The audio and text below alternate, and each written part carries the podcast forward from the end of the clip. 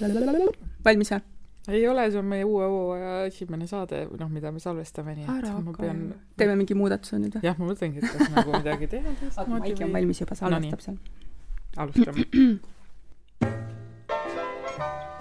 tere, tere, hea kuulaja, algab saade Õpime koos ning sinuga on Karin Tõevere ja Signe Varendi.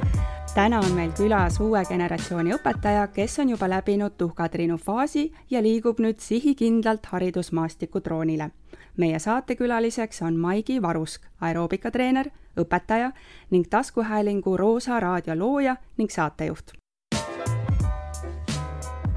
tere, Maigi! tere! Suur suvi on käes, kas see on sinu jaoks aeg, kus sa vaimselt ja füüsiliselt laed oma akusid või vastupidi, on loominguline power laes ja annad nüüd kõigele hoogu, et kõik mõtted realiseerida? Äh, nii ja naa, et äh, suvi, äh, minu ideaalne suvi mm, on nagu kooslus kahest, et minu ideaalne hommik on see, kui ma saadan oma peika tööle, joon kohvi ja siis lähen uuesti magama ja, ja see ja siis sinna vahele tuleb kindlasti sellist loomingulist ähm, mm, power'it.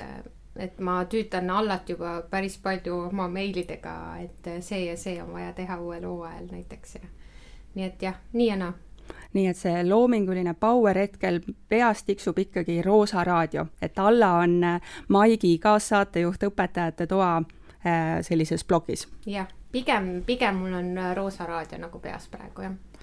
Mhm, aga koolitööst oled siis juhtme ikkagi seinast välja tõmmanud? jah, ma proovin seda teadlikult teha, sest ma aastaid olen niimoodi puhanud, et ma ei ole nagu puhanud.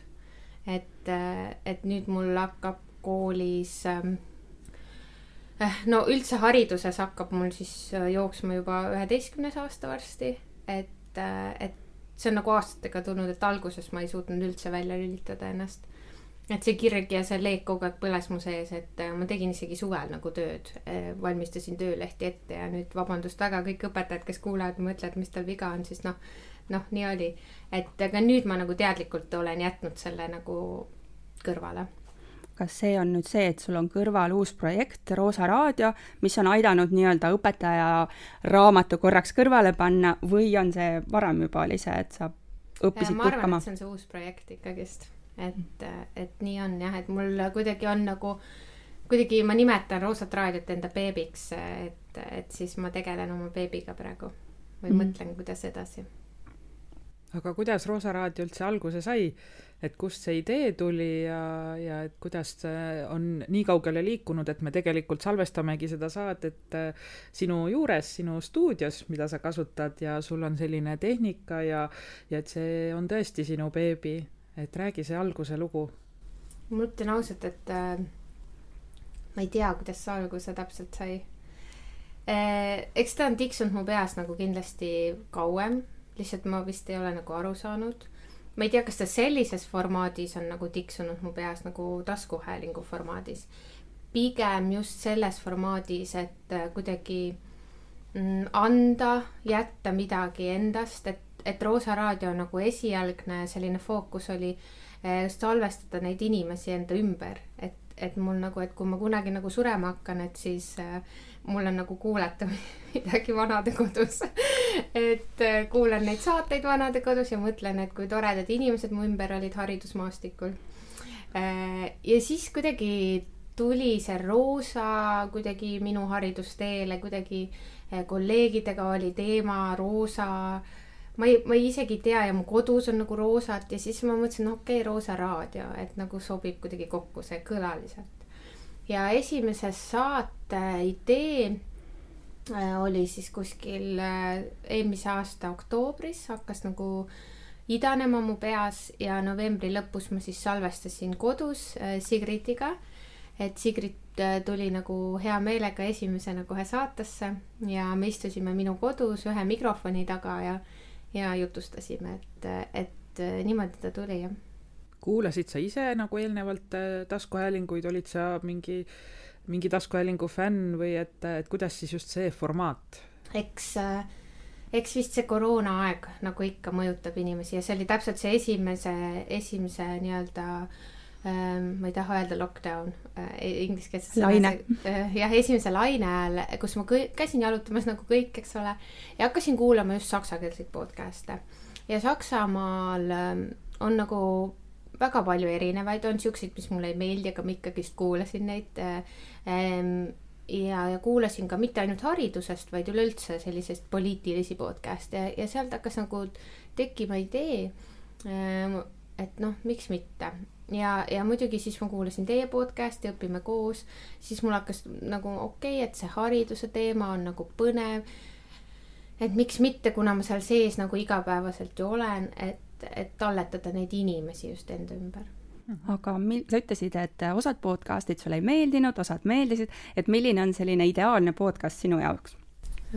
ideaalne podcast mida sa meelsasti kuulad, et sa ütled, et jah, vot see on nüüd väga hea äh,? sa võid soovitada ka äh,. selline podcast mulle väga meeldib nagu Deutschland äh, dreitausend, et seal on sellised nagu pigem poliitilised ja ajaloolised teemad ja on ka persoonilood.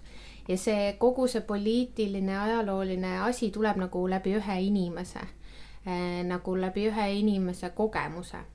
Et, et see mulle nagu meeldib, et, et on fookuses küll inimene, aga sinna juurde tuleb nagu palju tahke, eh, eh, millest nagu räägitakse, et kõik see, eh, mida nagu see inimene näeb selles ajas, hetkes või nägi, et kõik on läbi ühe inimese prisma. Ja, ja ma tunnen, et ma nagu õppisin ennast nagu päris palju tundma et mõtlesidki, et issand, ma ei ole üldse nõus selle inimesega, miks ta nii lolli juttu räägib, eks ole, aga siis noh, hakkadki mõtlema, ahah, et aga võib-olla mina ka kunagi olen nii mõelnud, et, et, et see mul nagu tuli no oma saateid äh, sisse juhatades sa alati ütled ka, et õppides tundma teisi, õpid tundma ka iseennast, et äh, nüüd sa oled ühe hooaja saanud ilusti lõpule viia, et äh, mida uut oled sa enda kohta siis teada saanud läbi selle ühe aasta äh.? No ma olen teada saanud seda, et, et õpetajaks vist sünnitakse ja kui ma olen nagu vestlenud oma nende töökaaslastega eh, või siis ametikaaslastega, siis ma saan aru, et nad on kõik nagu hingelt õpetajad. ja, ja ma ei ole kindel, kas ma tahan olla hingelt õpetaja äh, nagu elu lõpuni. noh, lihtsalt olen nagu mõelnud enese sees, et kas see on see õige, õige asi et kus läheb see piir, et sa nagu põled eh, kogu aeg, et, et sa läbi ei põle. et seda ma olen nagu mõelnud ja vaadanud kõrvalt. ja samamoodi ma olen nagu õppinud tundma oma kolleege ähm, sellisest nurgast, kus ma nagu võib-olla koolis ei jõuaks neid tundma õppida.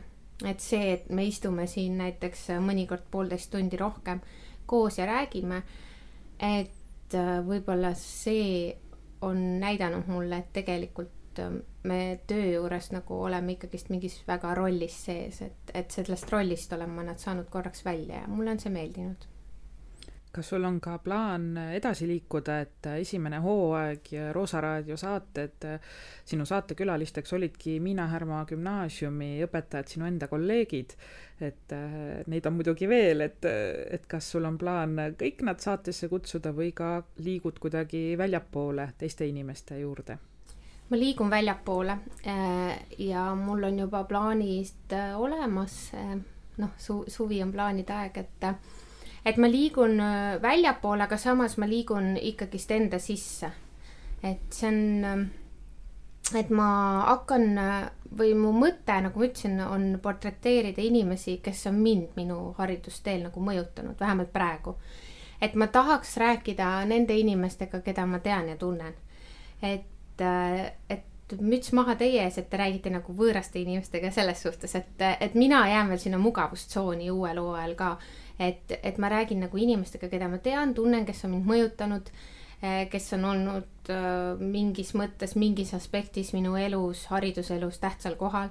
et näiteks järgmisena mm, on saade Petersoni kooli direktori Merike Kastega, kes mingil hetkel minu elus mängis tähtsat rolli ja, ja ma tahaks teda nagu salvestada enda, enda sinna vanadekodu äh, playlist'i et noh, nii, nii ta on jah, et ma jään praegu enda mulli. Nii et see taskuhääling ongi tegelikult äh, nagu ka meil sündinud äh, soovist äh, rääkida inimestega, kes sind ennast huvitavad ja, ja, ja, ja, ja korraks laiemale ringile võib-olla on meil mõeldud või noh, mul tuli see õpetajate toa idee, et see läheb võib-olla laiemale ringile nagu rohkem mm. -hmm. et, et mulle tundub vähemalt, et, et see pakub nagu rohkem huvi, selline lühike ähm,. siinkohal ma ütleks, et ähm, kontroversne aga kontroversne selles suhtes, et äh, üks kolleeg oli väga pahane mu peale, et kuidas sa võisid niimoodi öelda. et äh, ma ei, ma ei ole üldse nõus, ma nagu Maigi, noh, ta ei rääkinud minuga mitu päeva ja siis ma proovisin talle nagu selgeks teha, et, et, et me natuke ikkagist nagu näitleme, et, et saa aru, et see ei ole päris nii, et noh, et ma lõpuni nagu südamest arvan nii, eks mul on ka kindlasti oma mingid sellised arvamused ja, ja piirid öö, äh, aga, aga noh, me tegelikult ju natuke paneme ju üle, et, et äh, ma arvan, et see nagu mm, võiks olla see, mis on laiale ringile mm. -hmm aga kust selle mõte tuli, et kas see oli kellegi kuulaja tagasiside, et võiks nagu päevakajalistel teemadel või noh, nagu äh, aktuaalsetel teemadel siis rääkida või? ma isegi ei mäleta kuidas see täpselt tuli, äh, see nimi tuli ka kuidagi täiesti suvalt, mul tulevad kõik asjad, ma ei, ma ei oska nagu seda alguspunkti öelda, eks ole. aga see tuli sellest, et, ähm, et sellest aastast, äh, õppeaastast, äh, mis nüüd oli, et tuli Alla jälle tagasi minu ellu kuidagi õigel ajal täpselt. Ähm, ja noh, lihtsalt oligi nii, et olime koos, jutustasime minu juures alati pärast igat veerandit ja siis pärast esimest ja teist veerandit ma mõtlesin, pekki küll, et see oleks jumala hea nagu keegi võiks nagu ka osa saada sellest, et me arutasime haridusteemadel, rääkisime, rääkisime igasuguseid asju ja siis ma mõtlesin, okei okay,, et äh, miks mitte. Äh, tagasisidet ma selles suhtes ei saanud. Äh, ma olen saanud tagasisidet, et on liiga pikk kohati, aga ma arvangi, et tänapäeva maailmas muutubki kõik järjest lühemaks, et kui sa võtadki need Instagrami videod, ma ei tea, kui pikad need on, seitse sekundit on või? Stories on viisteist või kümme. noh, et, et, et inimese aju nagu vist rohkem nagu ei võta, et, et see kakskümmend minutit on tegelikult ju üliväike aeg või kakskümmend neli, et me proovime sinna formaati hoida, mõnikord läheb rohkem. siis ma mõtlesin, okei okay,, et läheme siis selle maailmaga nagu ühte, ühte voolu, et teeme siis sellise lühikese ja vaatame, kuidas nagu läheb ja siiamaani on nagu lainetust olnud, ütleme nii mm. -hmm. Mm -hmm see dünaamika, mis teil Allaga on, mulle väga meeldib ja see ongi nagu huvitav kuulata, et et te räägitegi sellistel teemadel, millest õpetajad kõik räägivad, kõik räägivadki kas õpetajate toas või siis kuskil jah, kohvitassi taga, aga et nüüd avalikult nii-öelda siis kõigile kuulamiseks seda oma arvamust välja öelda, et noh, seda ju ei tehta, et et sa oled ikkagi esimene, kes niimoodi taskuhäälingu formaadis siis julgeb oma arvamust avaldada. et minule jääb nagu kohe kõrva see, et kas sa oled ka mõelnud hariduse kõneisiku programmi kandideerida, et sealt endale veel tuult tiibadesse saada, et et mis on sinu selline nägemus Roosa raadiole, et kuhu sa sellega tahaksid välja jõuda, kas see ongi pigem sinu enda isiklik projekt, et kui sa saad need oma inimesed äh, nüüd siis kõik ära lindistatud, et siis on sinu soov nagu täidetud ja ja, ja vajadus rahuldatud või sa tahaksid kuidagi ka kaugemale jõuda ja ja siis suuremalt võib-olla hariduselu mõjutada sellega? ma alati ütlen, et ähm, et talleta ole, olevikku selleks, et mäletada minevikku. et, äh, et võib-olla see, see persoonilood on nagu see, aga jah, äh, selle Roosa äh, raadio õpetajate toa formaadiga ma tahaks küll kuidagi raputada veel seda haridust ja võib-olla rääkida nagu ausalt, et, et noh, meil on küll artikleid ja, ja võib-olla kohati nagu jääb see nagu väheseks tänapäeva maailmas, see artikkel, sest noh, ta on tasuline, noh, keegi, keegi ei viitsi seda maksta, seda ühte eurot, et lugeda seda tegelikult, noh see on mm. minu arvamus. sest ma ise ka näen seda, et me loeme ainult pealkirja lõppude lõpuks. aga võib-olla see taskuhääling või see formaat on nagu uus, kus nagu tõesti tuuagi ja raputada natuke seda hariduselu. ja, ja seda kõneisiku asja ma ei ole ausalt öeldes isegi mõelnud ma tean, et see on, ma vaatasin, et, et ka sel aastal nüüd tulid välja need, kes, kes nagu seda teevad, et et võib-olla, võib-olla kunagi, aga, aga ma ei ole nagu mõelnud, aga ma arvan, et seda hariduselu tuleb nagu raputada selles suhtes, et et tuleb nagu rääkida asjadest, millest me räägime tegelikult ju õpetajate toas, võib-olla ka siis avalikult ja saadagi kõrvetada, et ma olen juba natuke saanud kõrvetada ja, ja no miks mitte veel, et et muidu ei muutu midagi või muidu, muidu nagu ei, ei noh, kui kõik on kogu aeg, kogu aeg niimoodi pinna all peidus, siis mingi hetk ta ju plahvatab, eks ole, et võib-olla see, see on nagu minu mõte. No aga ma arvan, et see formaat on teil selles mõttes ka hea, et te võtate ette need teemad, millest kirutakse või siis vaikselt niimoodi hõõgub tuhal see leek, on ju, et aga te olete võtnudki nii, et üks on must ja teine on valge, et, et sellised vastandute üksteisele ja selline näitemäng natukene käib, et teema on aktuaalne, aga kõnetate nagu kõiki osapooli ja kas see tõde seal saates selgub või ei selgu, et see jääb lõppkokkuvõttes igaühe enda sellesse, et võib-olla selline selles formaadis teravatest teemadest rääkimine ongi nagu hea, et ja annab natukene hoogu juurde, et julgevad ka teised kapist välja tulla ja rääkida nendel teemadel mm. -hmm. ja oma isiklikku arvamust avaldada.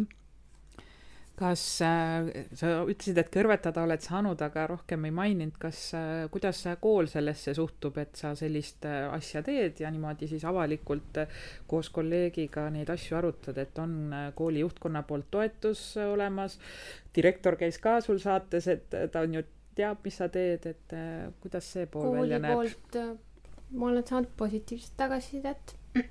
kindlasti ah, ma arvan, et on asju, millega, millega noh, puht isiklikul tasandil ei, ei saa ja ei peagi olema kõik nõus ja, aga ma arvan, et äh, juhtkond on nagu või noh, üleüldse kolleegid on ju mõtlevad inimesed ja saavad, saavad nagu aru, et ongi erinevad arvamused, kui on argumenteeritud arvamus, noh, siis me argumenteerimegi, et, et ei ole sellist ähm, äh, lihtsalt karjumist ja, ja, ja emotsioonide väljaelamist, kuigi eks ma seda teen ka, aga, aga just see form, taskuhäälingu formaadis peab ta olema argumenteeritud või tõestatud või, või, või kuidagi nagu põhjendatud arvamus.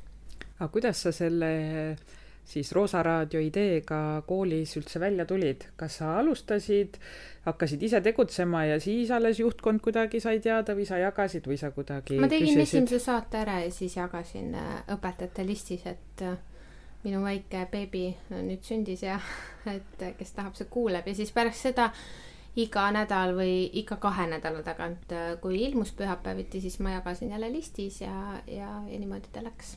kolleegid olid, äh, andsid mingit tagasisidet ka? Äh, kolleegid, äh, osad ütlesid, et liiga pikk on. et noh, et ei jõua kuulata järjest, mis on täiesti arusaadav, et see formaat ongi võib-olla kohati liiga pikk. siis osad olid väga üllatunud, et nad said ka kolleeg-, teiste kolleegide kohta infot teada. nüüd õpetajate toa kohta võib-olla on pakutud nagu teemasid välja näiteks äh, üks äh, teema, see kodutööd jah või ei, see tuli kolleegilt, et suur tänu talle, et võib-olla jah, sellised asjad on tagasisidena tulnud.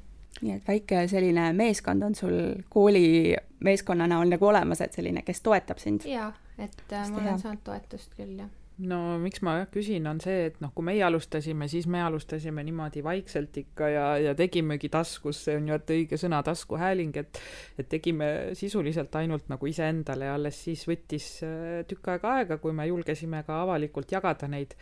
et ongi huvitav kuulda, et kuidas teised alustavad sellise taskuhäälinguga siis ja, ja just seesama, et kohe julgesid ka kolleegidele jagada ja see on väga imetlusväärne, et väga äge, et tõenäoliselt nagu, kes praegu tahaks taskuhäälinguga alustada, et samamoodi siin ei ole karta mitte midagi, tule, tule välja ja hakka tegema, kui sul on huvi ja soov, et et see on nüüdseks juba ikkagi muutunud selliseks noh, tavapäraseks, et inimesed ikka teavad, mis asi on podcast või, või taskuhääling, et võib-olla kui meie alustasime, siis see tundus selline veel, et oot-oot-oot, mis asja te seal teete, mida, mida te räägite ja kes teid üldse kuulab ja ma arvan ka, et see on muutunud ajaga, et noh, et, et äh, kooli äh, meediakanalites ja infolehtedes on nagu ol-, alati sees see minu podcast nii-öelda, et, et suur tänu selle eest nagu, et, et ta levib nagu äh, läbi selle kanali ka mul, et võib-olla see on natuke teine, et noh mm, -hmm. et võib-olla nagu see aeg, ma räägingi, muutub, et tulebki nagu kaasas käia natukene.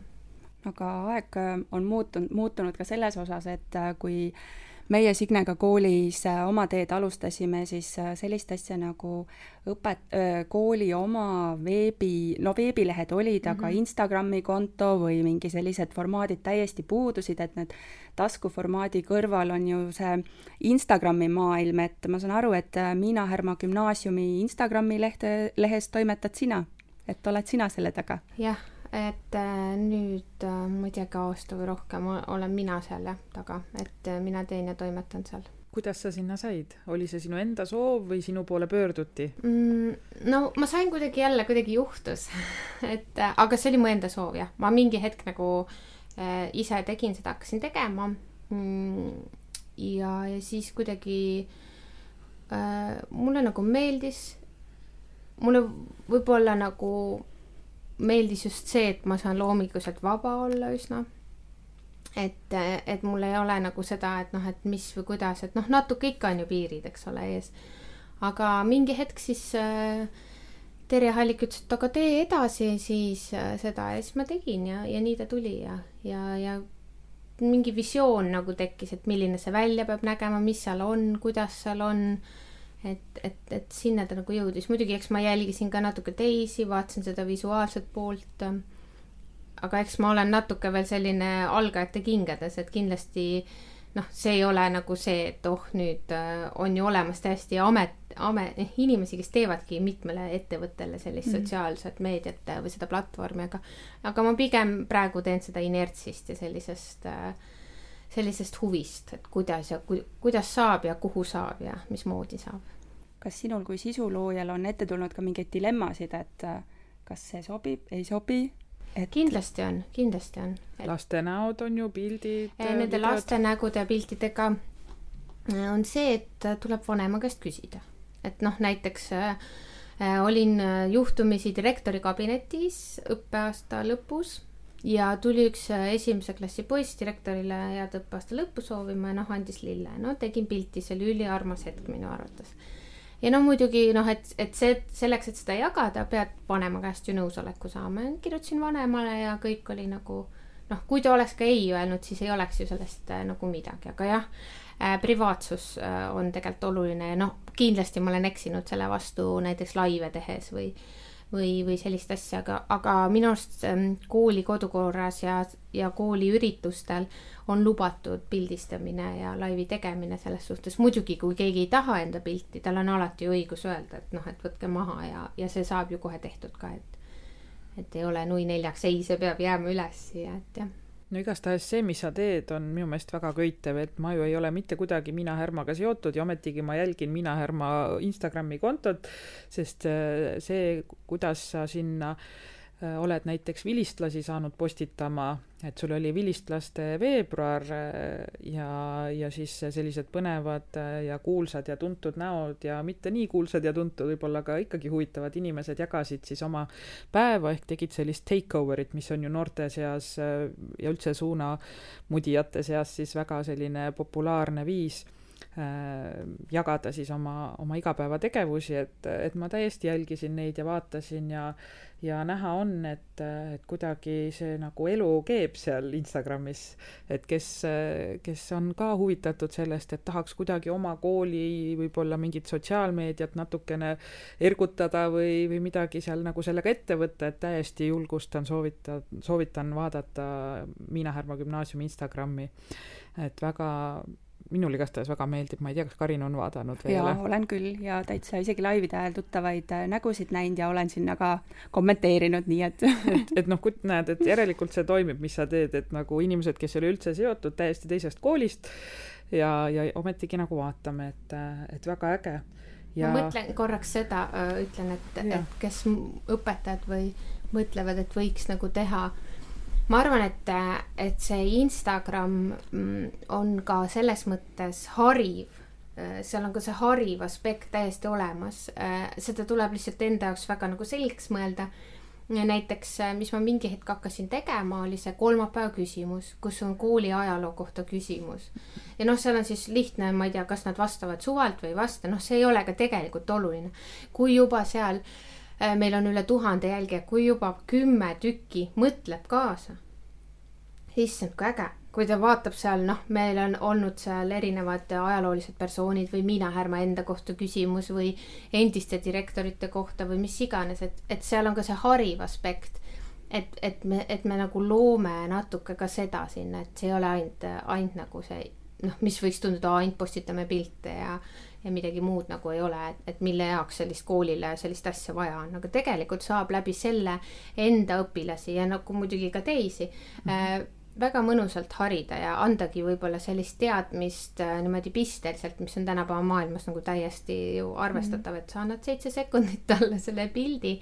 Noh, tal ei pruugi see meelde jääda, aga võib-olla jääb noh mm -hmm., miks mitte ka. see on lihtsalt see meedium, mida nemad tarbivad mm, -hmm. nad ei mhm. lähe kodulehele lugema seda meie ajalugu yeah., et äh, see, see aeg on möödas lihtsalt noorte yeah. jaoks. et see aeg on möödas ja, ja sa saad tegelikult läbi selle oma kooli ajalugu või oma kooli nagu äh, äh, mingit nagu jah, traditsioone, väärtusi, sa saad läbi selle tegelikult väga hästi edendada, näidata, tuua nagu lähemale jah, sest noortele ju meeldib jagada ja kui ta siis lisabki selle hashtag'i sinna juurde või tag ib kellegi ära, on ju veel, sa, sa jagad seal kooli sotsiaalmeedial, et ta tunneb ka seda seotust kooliga mm -hmm. ja miks ma just selle vilistlaste teema võib-olla noh, niimoodi välja tõin või vaatasin, et vau, et see on tõesti äge idee.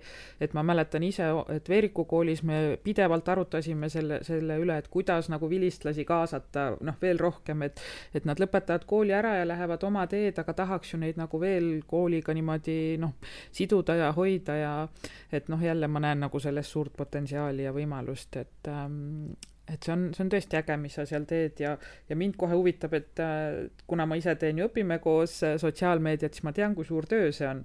et äh, sa oled õpetaja ja, ja sa teed Roosa raadiot ja seda Instagrami Miina Härmale, et kuidas sa seda kõike esiteks jõuad ja kuidas see sul on ära jagatud, et kas sa saad tasu selle eest, on see su tööaja sisse arv, arvestatud, on see puhas hobi sul kõik?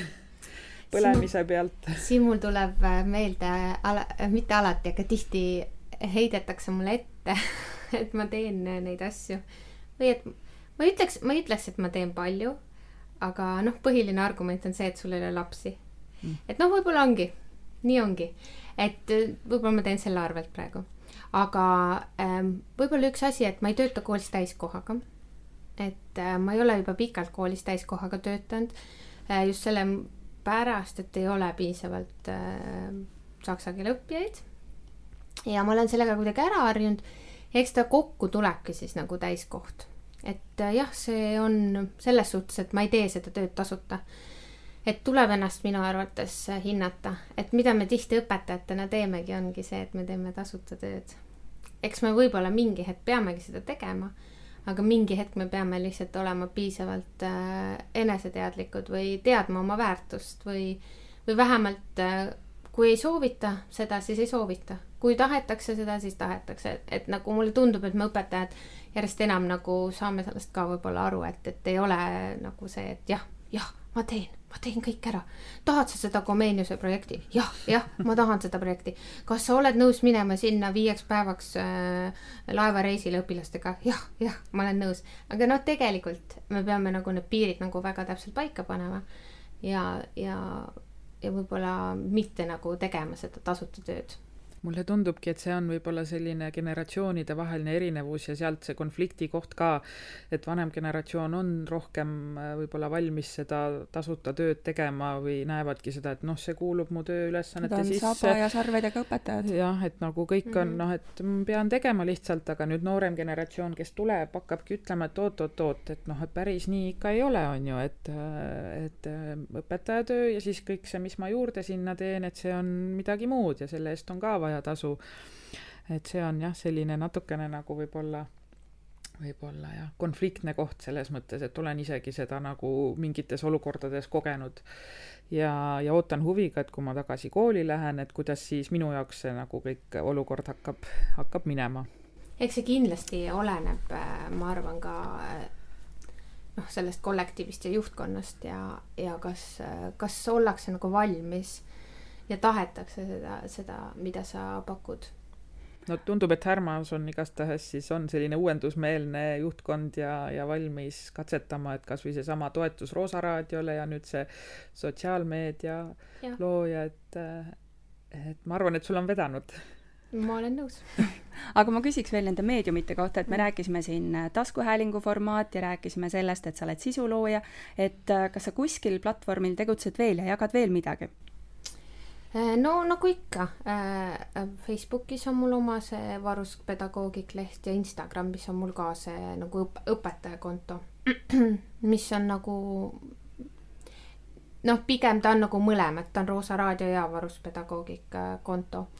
ja noh, siis ma olen Õpetajate Lehes kirjutanud mõned asjad ja vist nagu rohkem ei olegi ma mäletan, et kas sul Youtube'is on ka mingeid õppevideosid, ma tegelikult rihtisin sinna, sa unustasid jaa, ära selle. issand, see on jaa, ma tegin jaa Youtube'is jaa, on jah, grammatika mingi õudne podcast, sest äh, distantsiõppel oli vaja teha midagi nagu, sest ma ei tahtnud kogu aeg, et nad istuvad nagu arvuti taga, siis ma tegin mingi podcast'i, noh, grammatika mingi jah aga kuidas see toimis, et kas sa nägid, et sellel oli nagu mingi positiivne tagasiside või katsetasid ära ja et okei okay,, ei toiminud?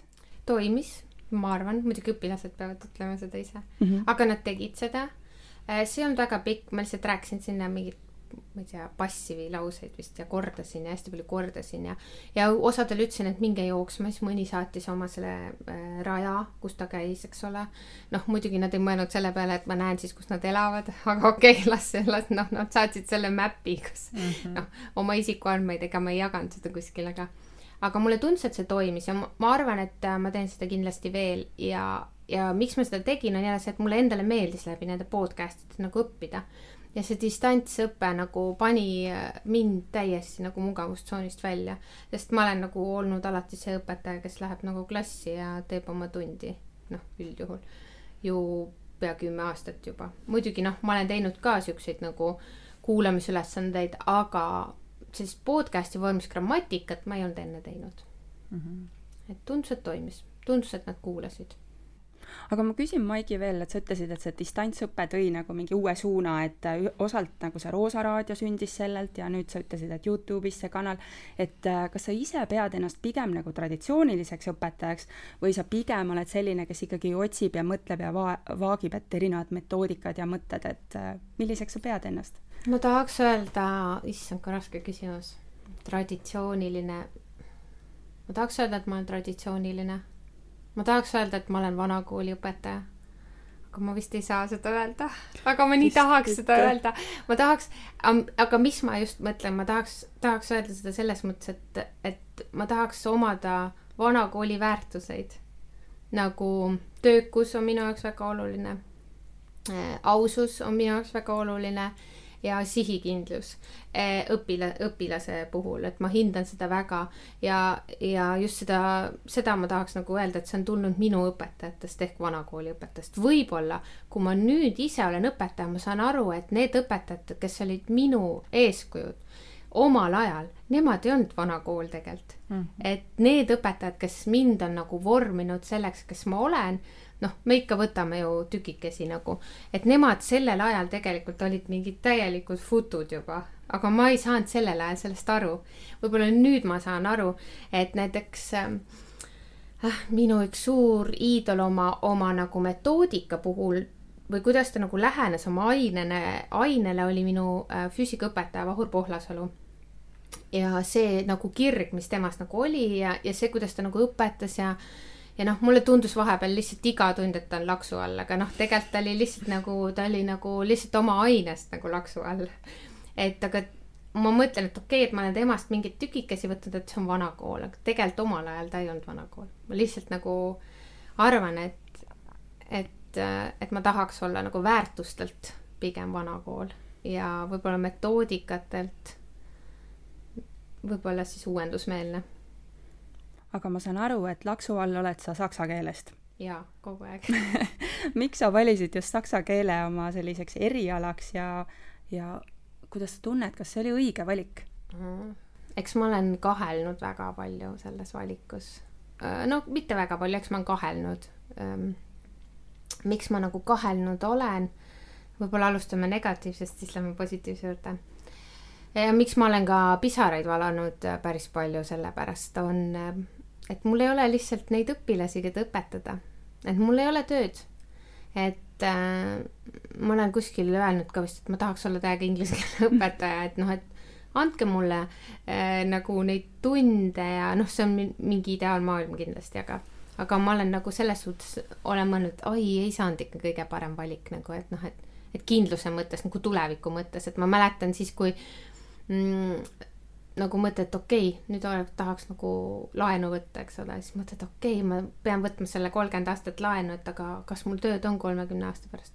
noh, nii kaua tegelikult tänapäeval maailmas ei tohigi ette mõelda, noh, sa ei tea kunagi, mis on, aga mõtled ikka, et noh, et ma valisin sellise ameti, kus mul tegelikult nagu ei ole nagu seda perspektiivi võib-olla nii palju.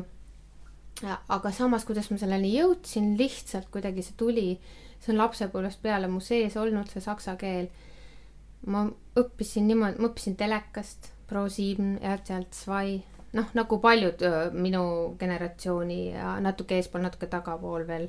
aga noh, nüüd, nüüd neid telekalapsi vist enam väga ei ole. aga ma mäletan seda, et ma olin üksik laps, midagi polnud teha, vaatasin võib-olla multikaid rohkem, kui oleks pidanud. ja sealt ta nagu tuli ja samal ajal kui teised nagu Äh, elasid selles ingliskeelses maailmas, siis minu kogu see fookus oli ikkagist, ähm, ma elasin nagu saksakeelses kultuuriruumis ja kõik need filmid, kõik need äh, inimesed, kõik need, äh, kõik need asjad tulid nagu sealt ja sealt ma sain selle keele, põhimõtteliselt ma õppisin telekast, sest mu tegelikult saksa keel on mu B-võõrkeel. ja, ja pärast gümnaasiumi läksin seda õppima. mis aastal see oli, mil sa õppima läksid? kaks tuhat seitse mhm lõpetasin gümnaasiumi ja siis läksin kohe äh, Saksa Filli ja sealt kohe edasi magistratuuri mm. -hmm mina lõpetasin kaks tuhat viis ja ka siis tahtsin minna, on ju, saksa keele filoloogiasse, aga ei saanud äh, tasuta kohale sisse ja tegin teise valiku läksin klassiõpetajaks ja sain lisaerialaks saksa keele. Ja vot siis täpselt oligi see aeg, kus äh, inglise keele õppejõud ütles, et kuule, et sul on noh, nii hea keeletase, et et äkki veel pigistad selle inglise keele lisaeriala ka sinna. ja siis ma noh, esimene mõte oli, et miks mul ei ole vaja, et noh, minu suund on ikkagi saksa keel. Ja siis tuligi seesama soovitus, aga et noh, inglise keel on lihtsalt niivõrd tugevalt peal ja tõusvas trendis ja saksa keel on languses, et kindlustadagi tulevikku, et sa saad kindlasti tööd ja siis ma selle inglise keele õppisin ja inglise keele õpetajaks tööle saingi. et äh, huvitav on kuulata, et selline sarnane, sarnane siis võib-olla mm -hmm. olukord, kus, kus mõtledki, et, äh, et ei, ei, ei pruugi seda tööd jätkuda. ja ka Veeriku koolis, kus ma töötasin inglise keele õpetajana, ju kogesin ise kõrvalt seda pikalt, et äh, ei olegi tõesti neid saksa keele õppijaid ja, ja, ja, ja tänasin Jumalat, et näed, et ma olen inglise keele õpetaja, et mul on tööd ja, ja küllaga on ju, et täiskoht ilusti tuleb ära ja võiks rohkemgi teha. ja mul tuleb siit kohe küsimus, et me oleme Signega seda eelnevalt arutanud, et sa ütlesid ka, et tänapäeva lapsed on ju ingliskeelses keeleruumis, et mida iganes keskkonda me vaatame, see taust on inglise keel, et kas peaks mingi vangerduse sinu meelest tegema, et mitte alustama inglise keelega. Miina Härma gümnaasium alustate esimesest klassist, eks ju, ja olete kogu aeg sellise inglise keele kallakuga olnud ja iibeõpe on teil ju ka ingliskeelne, et et äkki peaks seda, neid kuidagi muutma, neid kääre, et äh, inglise keele me haarame justkui lennult justkui kaasa. sinu arvamus minu arvamus on muidugi, no kuulge, see on ressursi raiskamine, see on täiesti ressursi raiskamine. meil on haridussüsteem, kus me saaksime anda õpilastele midagi, aga me nagu ei saa aru, et ajad on muutunud, mulle tundub vahepeal ma näen oma väikeste mm, mingite sõprade pealt, noh, nimetades siis kolmeaastaseid või viieaastaseid, nad juba nagu ütlevad inglise keeles ja räägivad inglise keeles ja ütlevad juba rohkem kui viis sõna lauseid inglise keeles, eks ole. et muidugi võiks alustada raskema keelega, ma ei ütle, et selleks peab olema saksa keel, selleks võib olla ka vabalt vene keel, prantsuse keel. Ehm, jah las ta jääb siia kolme valiku juurde praegu, et mida, mida muidugi, mida kirjumaks me seda valikut teeme, seda raskemaks me muudame omaenda süsteemi hariduses, et noh, et ta peab ju seda edasi õppima. Mm.. tal peab olema see võimalus gümnaasiumis edasi õppida ja kui me nagu väga suureks selle valiku teeme, võib-olla me paneme tal kunagi mingi ukse kinni lihtsalt. aga muidugi võiks selles suhtes, et ähm, et ma õpetan kolmandas klassis äh, rahvusvahelistele õpilastele saksa keelt. Ja ma ju näen, kui svammid nad on. Nad on nagu väiksed svammikesed, eks ole. Äh, nende puhul on muidugi see, et ne,, et nende see keel, mille läbi ma nagu õpetan, ma kasutan seda küll üsna vähe, on inglise keel, et see baaskeel on inglise keel. aga ma näen, et see väike, väike ajukene, see on nagu svamm, ta võtab seda ja, ja nagu noh, muidugi ta võtab seda inglise keelt ka aga noh, olgem ausad, et kui me õpetame seal äh, inglise keelt, ma ei tea, mis tunniressursiga ja ta jõuab, eks ole, C1 tasemele või C2 tasemele, see äh, tasemele gümnaasiumi lõpuks, siis minu küsimus on, keegi palun mõõtke ära, kui suur roll on koolil. ja kui suur roll on sellel teisele seal. et kui me nüüd võtaks äh, ja vahetaks ära see ei tähendaks seda, et me jõuaks selle teise keelega C1 tasemele, kindlasti mitte, me jõuaks võib-olla tugevale B1, B2 tasemele, aga ma annaks inimesele võimaluse äh, nagu veel midagi hästi osata, sest kui me alu-, vaatame, siis üldjuhul alustatakse teise keelega kuuendas klassis, see on liiga hilja. kõik, tal tuleb pubekas peale, ta ei viitsi enam elu sees õppida neid mähkisnakke seal. noh, kui me võtame vene keele, et noh, me ju teame seda enamus ju naeravad, et äh, noh, sorry, õppisin jah kuuendast klassist vene keelt, aga noh, äh, no ma oskan ka seda ja ma õppisin pool aastat. et võib-olla me raiskame seda ressurssi ja ma, ma näen nagu seda, et osad koolid on muutnud seda juba. et meil äh, Miina Härmas hakkab teine võõrkeel neljandast klassist ja see minu arvates toob juba päris suure muutuse sisse, see kaks aastat juba, kui tõmmata seda nüüd sinna kolmanda peale, juba tuleb veel üks muutus. et ähm, me siiski nagu peaksime alustama sellega, mis on raskem mm. -hmm. ja ma arvan, et saksa, vene, prantsuse on raskem. puhtalt sellest ja me ei kuule seda sa paned äh, selle ähm, triikraua sisse, sealt tuleb ka Justin Bieberi laulu, eks ole, noh, nii palju on seda meie ümber mm. -hmm. et jah, vahetage palun ära keel, ma olen täiesti selle poolt, ma võin streikima minna no aga siit äh, ma küsiks seda, et äh, saksa keel, et kui sa alustad nende näiteks kolmandast-neljandast klassist saksa keelega, et äh, kui reaalne on, et nad hakkavad suhtlema, sest lapsed, kes on õppinud neljandast klassist vene keelt, ma tean omast kogemusest, tean oma laste kogemusest, nad ei räägi vene keelt, kas saksa keelega on teisiti? kindlasti on teisiti saksa keelega ähm ma arvan, juba sellepärast on saksa keelega teisiti, et kui me, kui me nüüd paneme kaks asja võrdlusesse mm, -hmm. vene ja saksa, mina arvan, et saksa keel on lihtsam kui vene keel ähm,. tähestik on jube lihtsam, eks ju? no see ähm,, olgu saksa keeles on grammatika võib-olla äh, inglise keelega võrreldes ju raskem, et, et kui sa ütled lause, sa pead juba teadma, mis sa lõpus ütled mm -hmm.. noh, kui sa võtad perfect'i, ich habe gestern suppe gekocht, sa pead juba teadma, et sa keetsid suppi, mitte ei pesnud, on ju, noh, et, et see. aga ma näen, et nad suhtlevad, kui kui natukene lükata ja tõugata, noh, mitte lükata ja tõugata, kui natukene nagu impulssi anda, et mida ma teen näiteks tihti, noh, nad, neil on juba nii kopp ees sellest, aga no sorry, andke andeks. Et koolis näiteks, kui ma näen neid koridoris, ma räägin saksa keeles nendega. no ta peab vastu rääkima, eks ole, noh.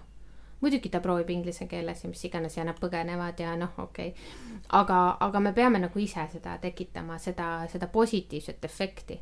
E, vene keelega vot seal on vist mingid muud probleemid, mul endal oli ka see, nii kui luuletus anti ette, õpi pähe, kõik läinud, ma enam ei läinud sinna ree peale nagu tagasi.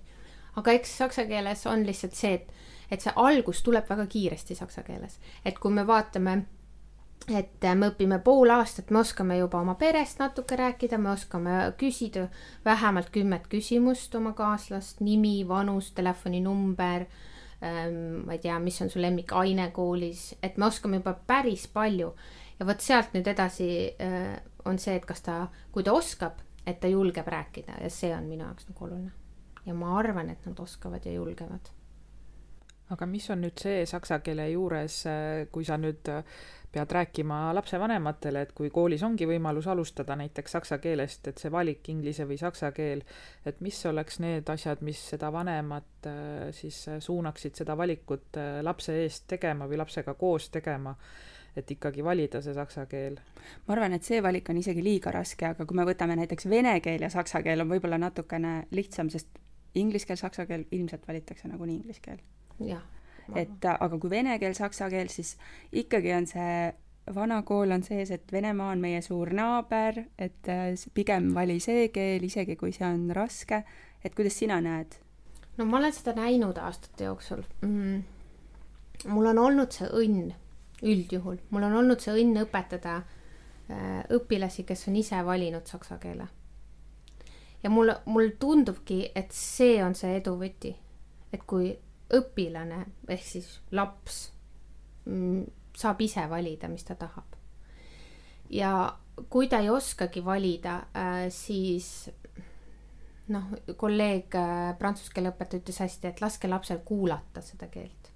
et pigem noh, meil on tekkinud see, et valitakse prantsuse keel või saksa keel, et see valik on.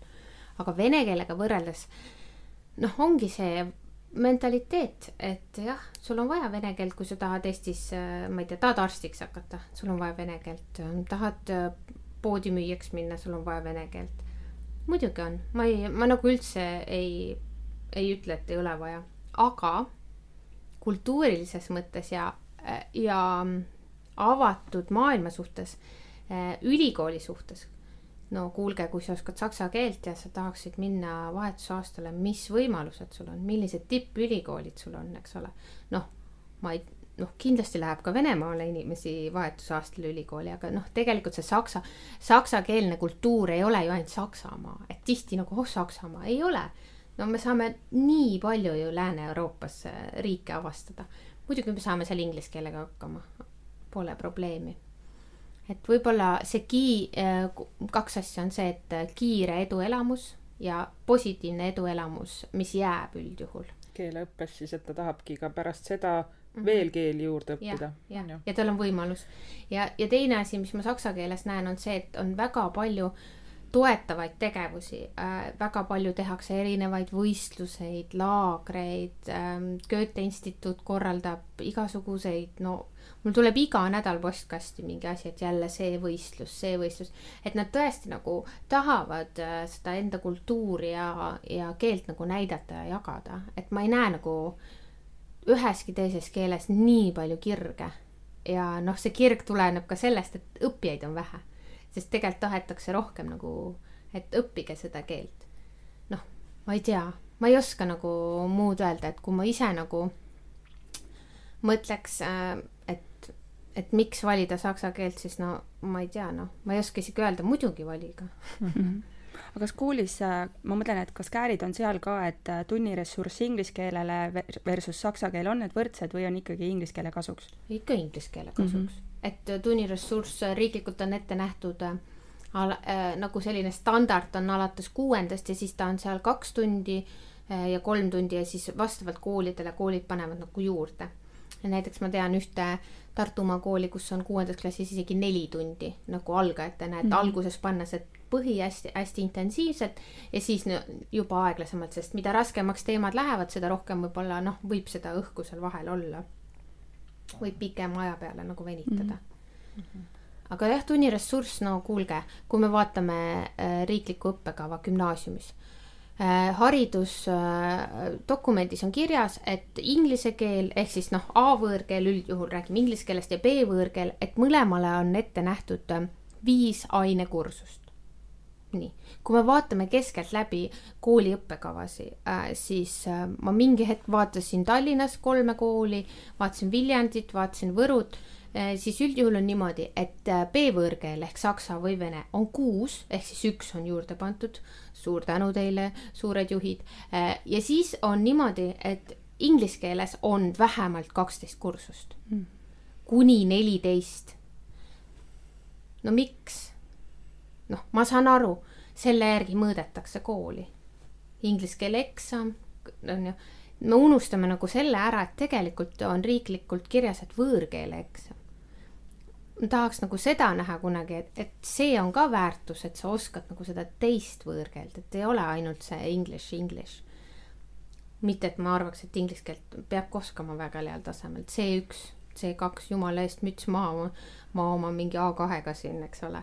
aga lihtsalt ma arvan, et see see on tulnud mingi hetk ja sellest nüüd lahti lasta on väga raske, see, see, see tuligi selle tõusuga, millest mm sa mhm. rääkisid ja sealt nagu tagasi minna ei ole ju enam võimalik, kus, mis mõttes me paneme viie kursuse peale? me, nad ei oska siis üldse inglise keelt ju. no, no ma arvan mm, -hmm. et Mhm. ei oskagi siis jah, seda nad ei oska seda akadeemilist kirjutamist.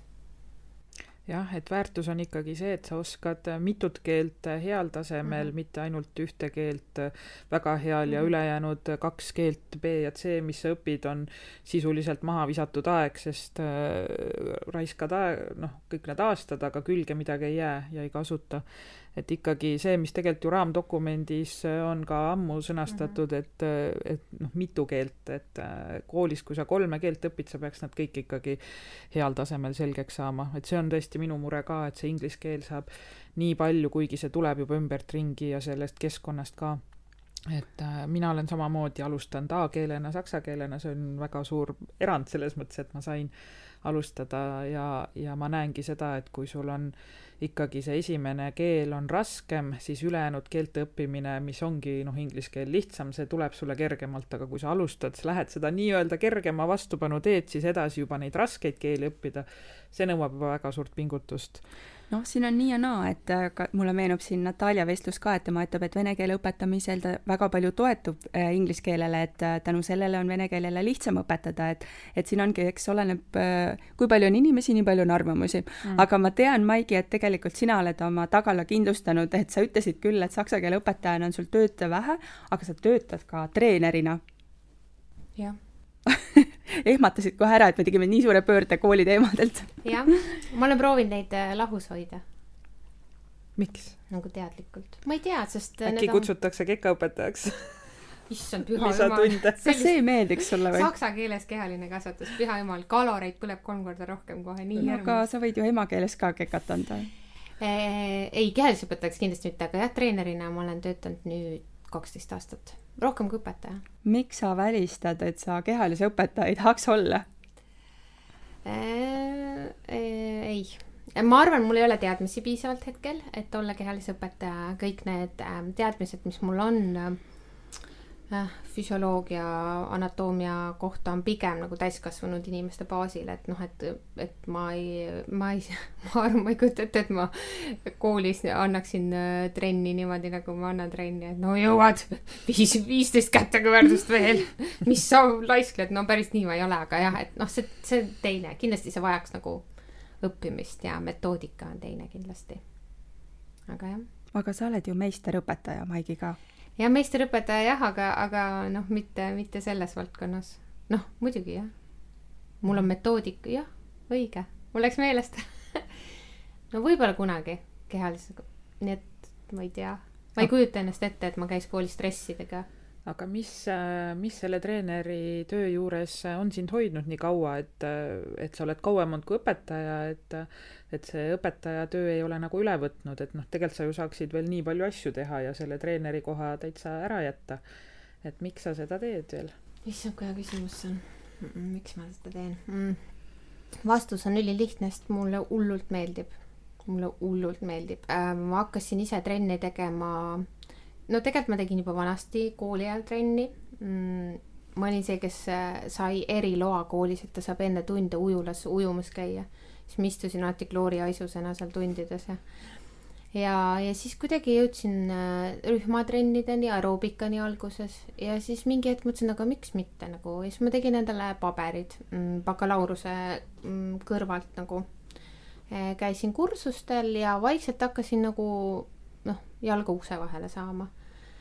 Ja, ja mulle nagu meeldis, muidugi mingi hetk ma tegin nagu väga palju, et äh, ma olin siin noh, kujutan ette, et võrreldes päris, päris treeneritega, kes teevad seda põhitööna, et see on vähe, aga no mul oli mingi neliteist trenni nädalas näiteks koolitööle lisaks. ja, ja siis mingi hetk see saigi nagu tööks, et äh, ja siis ma tõmbasin piduri nagu peale ja võtsin maha ja siis ma hakkasin seda jälle nagu rohkem nautima. Ja, ja lihtsalt see on nii vabastav ja, ja noh, see on nagu kaks ühes natukene, et sa saad nagu äh, vormis hoida ennast ja, ja samas sa saad oma suhtlusvajadust veel äh, nii-öelda täita ja samas selle eest teenib ka raha aga miks ei ole nüüd jälle siis vastupidi, et äh, läinudki täiskohaga treeneriks, et miks see õpetajatöö seal õp... veel on? treeneri töö ei ole jätkusuutlik sest olgem ausad, passi tuleb vaadata vahepeal mm. -hmm. et noh, see ei ole nagu reaalne, vähemalt minu silmis, et sa oma keha, keha kakskümmend viis äh, tundi, muidugi noh, sa saad seda koormust jagada, aga kakskümmend viis tundi nädalas nagu, nagu oma keha piitsutad. et äh, mulle meeldib just see tasakaal selle vahel, et keha ja siis koolis on nagu see vaimne äh,, vaimne. nüüd, mis te arvate, kumb raskem on? noh, füüsiliselt ilmselt treeneri amet vaimselt õpetaja amet. et noh, et seal tulebki jah, sihuke mm -hmm. sihuke tasakaal -hmm. et see mulle meeldib, et ma ei kujutaks ette, et ma ei noh, ma ei tee, ma ei teeks seda, see, mhm. see noh, ma, ma ei saa, ma olen nagu mõelnud üldse, et kuidas on nii, et inimesed üldse nagu ei liigu või ei tee trenni või noh, ma tean, et see on nagu täiesti naiivne, et jah, et ei olegi aega ja mis iganes, aga no ma ei kujuta ette, see ju noh, vaimselt maandab nii hästi, et see, kui ma lähen nelikümmend viis minutit ma võin pool tundigi teha, mõni trenn on mul pool tundi, no see tõmbab niimoodi nagu jälle energia nagu käima ja, ja sul tuleb hea uni ja, ja kõik on nagu noh, kõik on nagu hästi, muidugi mitte kogu aeg. aga, aga ma ei kujuta ette jah, see lihtsalt, võib-olla kunagi mm. -hmm aga ma usun, et see ongi see uue generatsiooni õpetaja, kes teeb kõrvalt veel midagi, et ta ei ole ainult saba ja sulgedega õpetaja. see on see koolis. küsimus, et miks tunnid lõpevad kell kolm mm. et õpetaja saaks tööle minna. aga mina ütlen, et äh, treenerina on täitsa võimalik töötada kuni pensioniea alguseni, et minu kallis vanaema kui ma nüüd aastatega ei eksi, siis no vähemalt kuni seitsekümmend viis töötas, et äh, ja kaheksakümnendal juubelil kõik tema trenni siis õpilased äh, tulid kokku ikka taas ja igatsesid teda, et, et, et kõik on võimalik. aga, aga jah, ma ka pigem nagu imetlen seda või ise nagu tahaks tegeleda sellega, et, ähm, et see, see õpetaja töö oleks selline ma ise tahan nagu mõelda, et selline hobi korras töö, selles mõttes, et ma panustan küll nagu täiega ja, ja tuhinaga teen ja, ja armastan seda tööd, aga et, et ma ei upu sellesse ära, vaid ma hoian ennast värskena kuidagi ja teen veel ka midagi muud sinna juurde, et et mulle jah, meeldib see, see nende ega see paindlikkus on see märksõna, mis on, ma arvan, õpetajale ja noh, noorele, kes tuleb kooli tööle, et kui seda paindlikkust ei ole uh. -huh. siis on ikka väga raske noort koolis hoida ja ja teda põlemas hoida ka.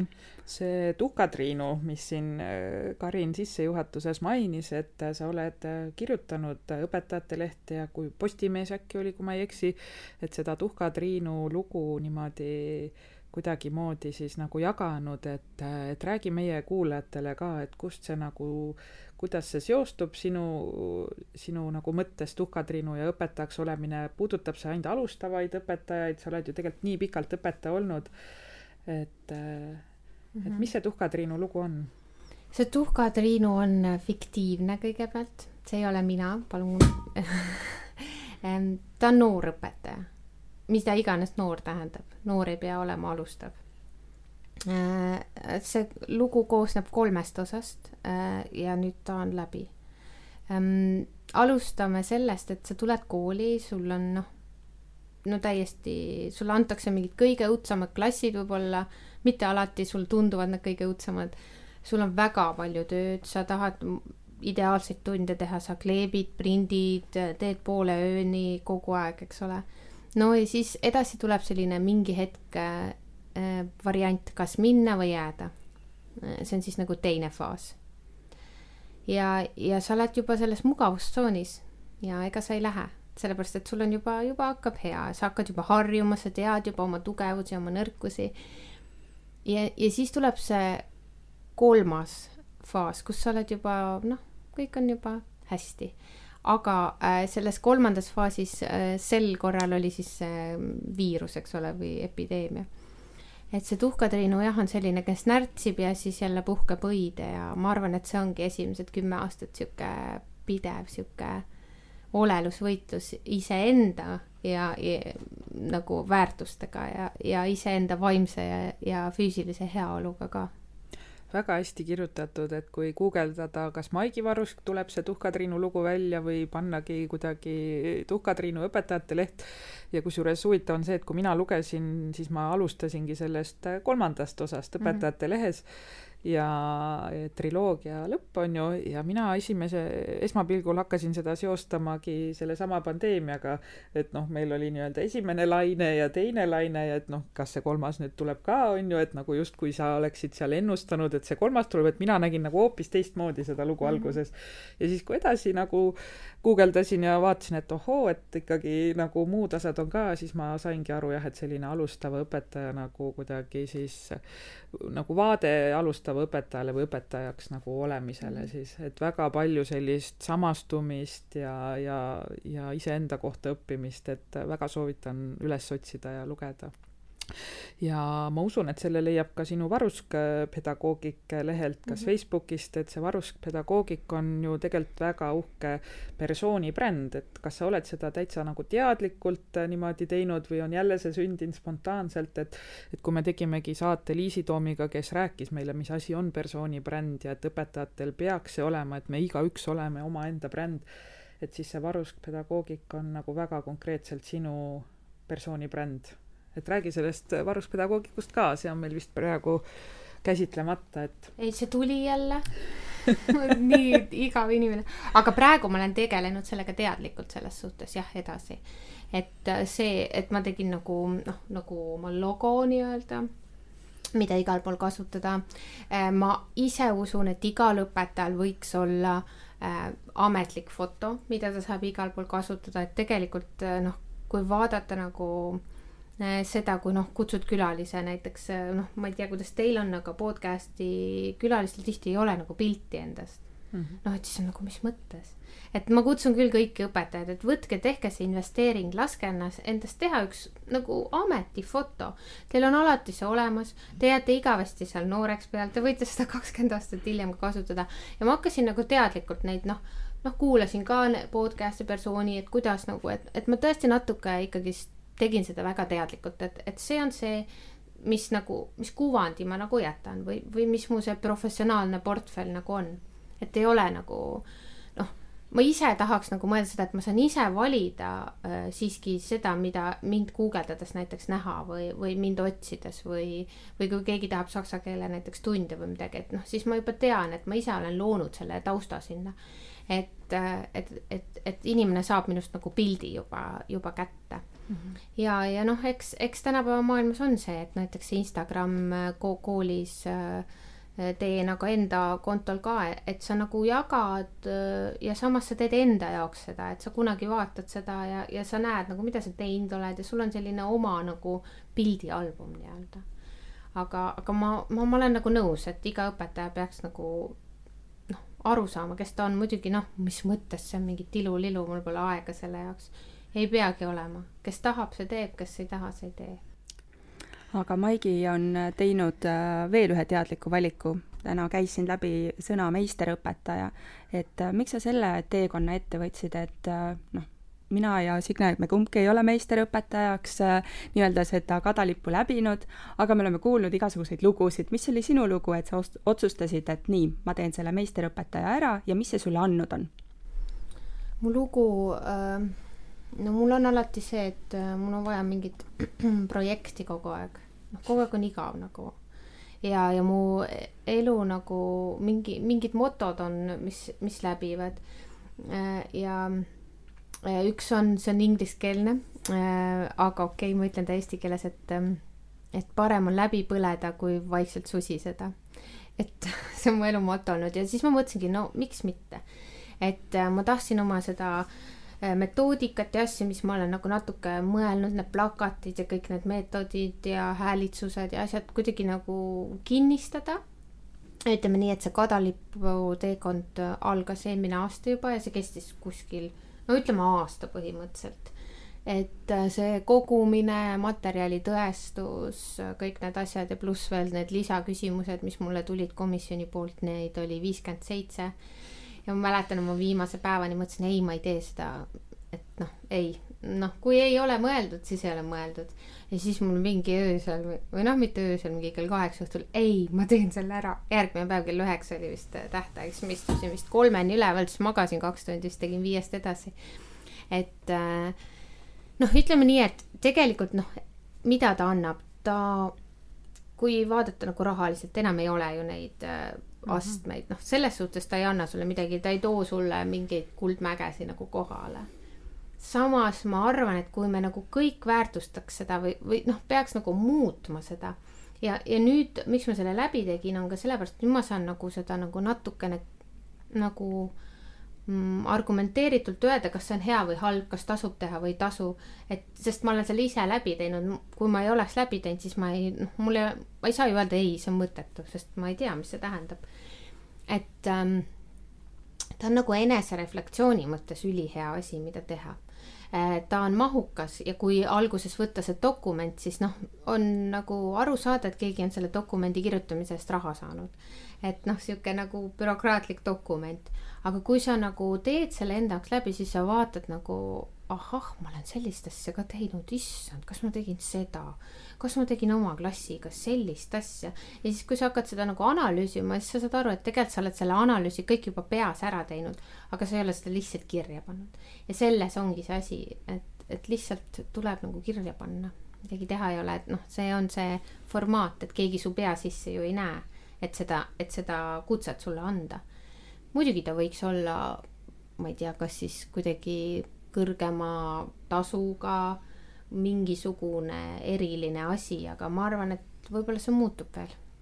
ja et nii nagu see kadus ära, on ju üks mm -hmm. hetk võib see ju tagasi tulla, et siin väga paljud asjad tulevad ja lähevad ja ja õpetajadki ütlevad, et ah oh,, see aeg on üle elatud ja elame ka selle aja üle ja kunagi ei tea, et võib-olla tõesti. aga ma see... saan täiesti aru, et noh, et kui ma ole, oleks olnud näiteks kakskümmend aastat õpetaja, ma teen oma asja ülihästi, miks mul seda trilla-trullat vaja on. et tegelikult ei olegi ju vaja, tegelikult mm. ei ole mm. vaja mm -hmm.. noh, mina lihtsalt olen kuulnud seda, seda legendi nõukaajast, et need suured äh, meisterõpetajad ja õpetajametoodikud, et tegelikult nad elasidki oma elu väljapoole kooli, et tegelikult see klass ei pruukinudki saada seda kõige paremat õpetajat, sest nad tegid nagu välja, et mida ma kõike oskan ja suudan, aga klass tegelikult ei pruukinudki näha seda, et õpetaja nüüd superhea oli. ei no paber kannatab ju kõik. olgem ausad, et, ega, ega aga noh, need on legendid, mis jäävad ja aga ma arvan, et iga legendi taga on ka üks lugu, mis vastab tõele. noh, et võib-olla see legend kuskilt siiski saab alguse mm -hmm.. jah, muidugi aga no meie oleme täna näinud küll, et mida iganes projekti Maigi ette võtab, on ta teinud seda südamega mis on sinu järgmised projektid, sest äh, Roosa raadio saab üks, üks hetk niimoodi, et noh, see toimib ise juba. kuhu edasi? Äh, kuhu edasi või mm? -hmm. Mm. ma ei tea, eks ta tuleb jälle su-, suvalt, jah, nii halb sõna, aga eks ta tuleb, aga äh, kindlasti äh, jään ma õpetamise juurde mingis mõttes edasi, et mul ei ole mingit sihte kuhugi selles suhtes kõrgemale minna. pigem seda mulda nagu laiendada nagu umbrohi niimoodi et pigem saada nagu sügavuti, sügavuti paremaks, mitte nagu kõrgusesse paremaks ma ei tea, kas see on arusaadav või? on. jah, et sügavuti paremaks, mitte kõrg-, jah, kui ma selle uuesti välja ütlesin, siis ma sain ise ka aru, mis ma ütlesin. et pigem nagu seda tahaks, et äh, sügavuti ja mitte kõrgusesse paremaks mm. -hmm. aga sul on veel viimane küsimus? ei, ma arvan, et nüüd muidu me võiksimegi siia ja, sügavuti minna ja rääkida, nii et, et eks me saame veel kokku aga siis äh, pakime seekord mikrofonid kokku ja kohtume siis järgmisel korral. aitäh, Maigi, sulle, et sa jagasid meiega oma mõtteid ja järgmise korrani mm! -hmm. Kuulmiseni! Auf Wiederhören! kui sinagi said koos meiega täna uusi mõtteid ja inspiratsiooni, siis anna taskuhäälingule hoogu juurde. täname sind, kui hakkad Patreonis meie sõbraks ning püsiannetajaks. aitäh sulle!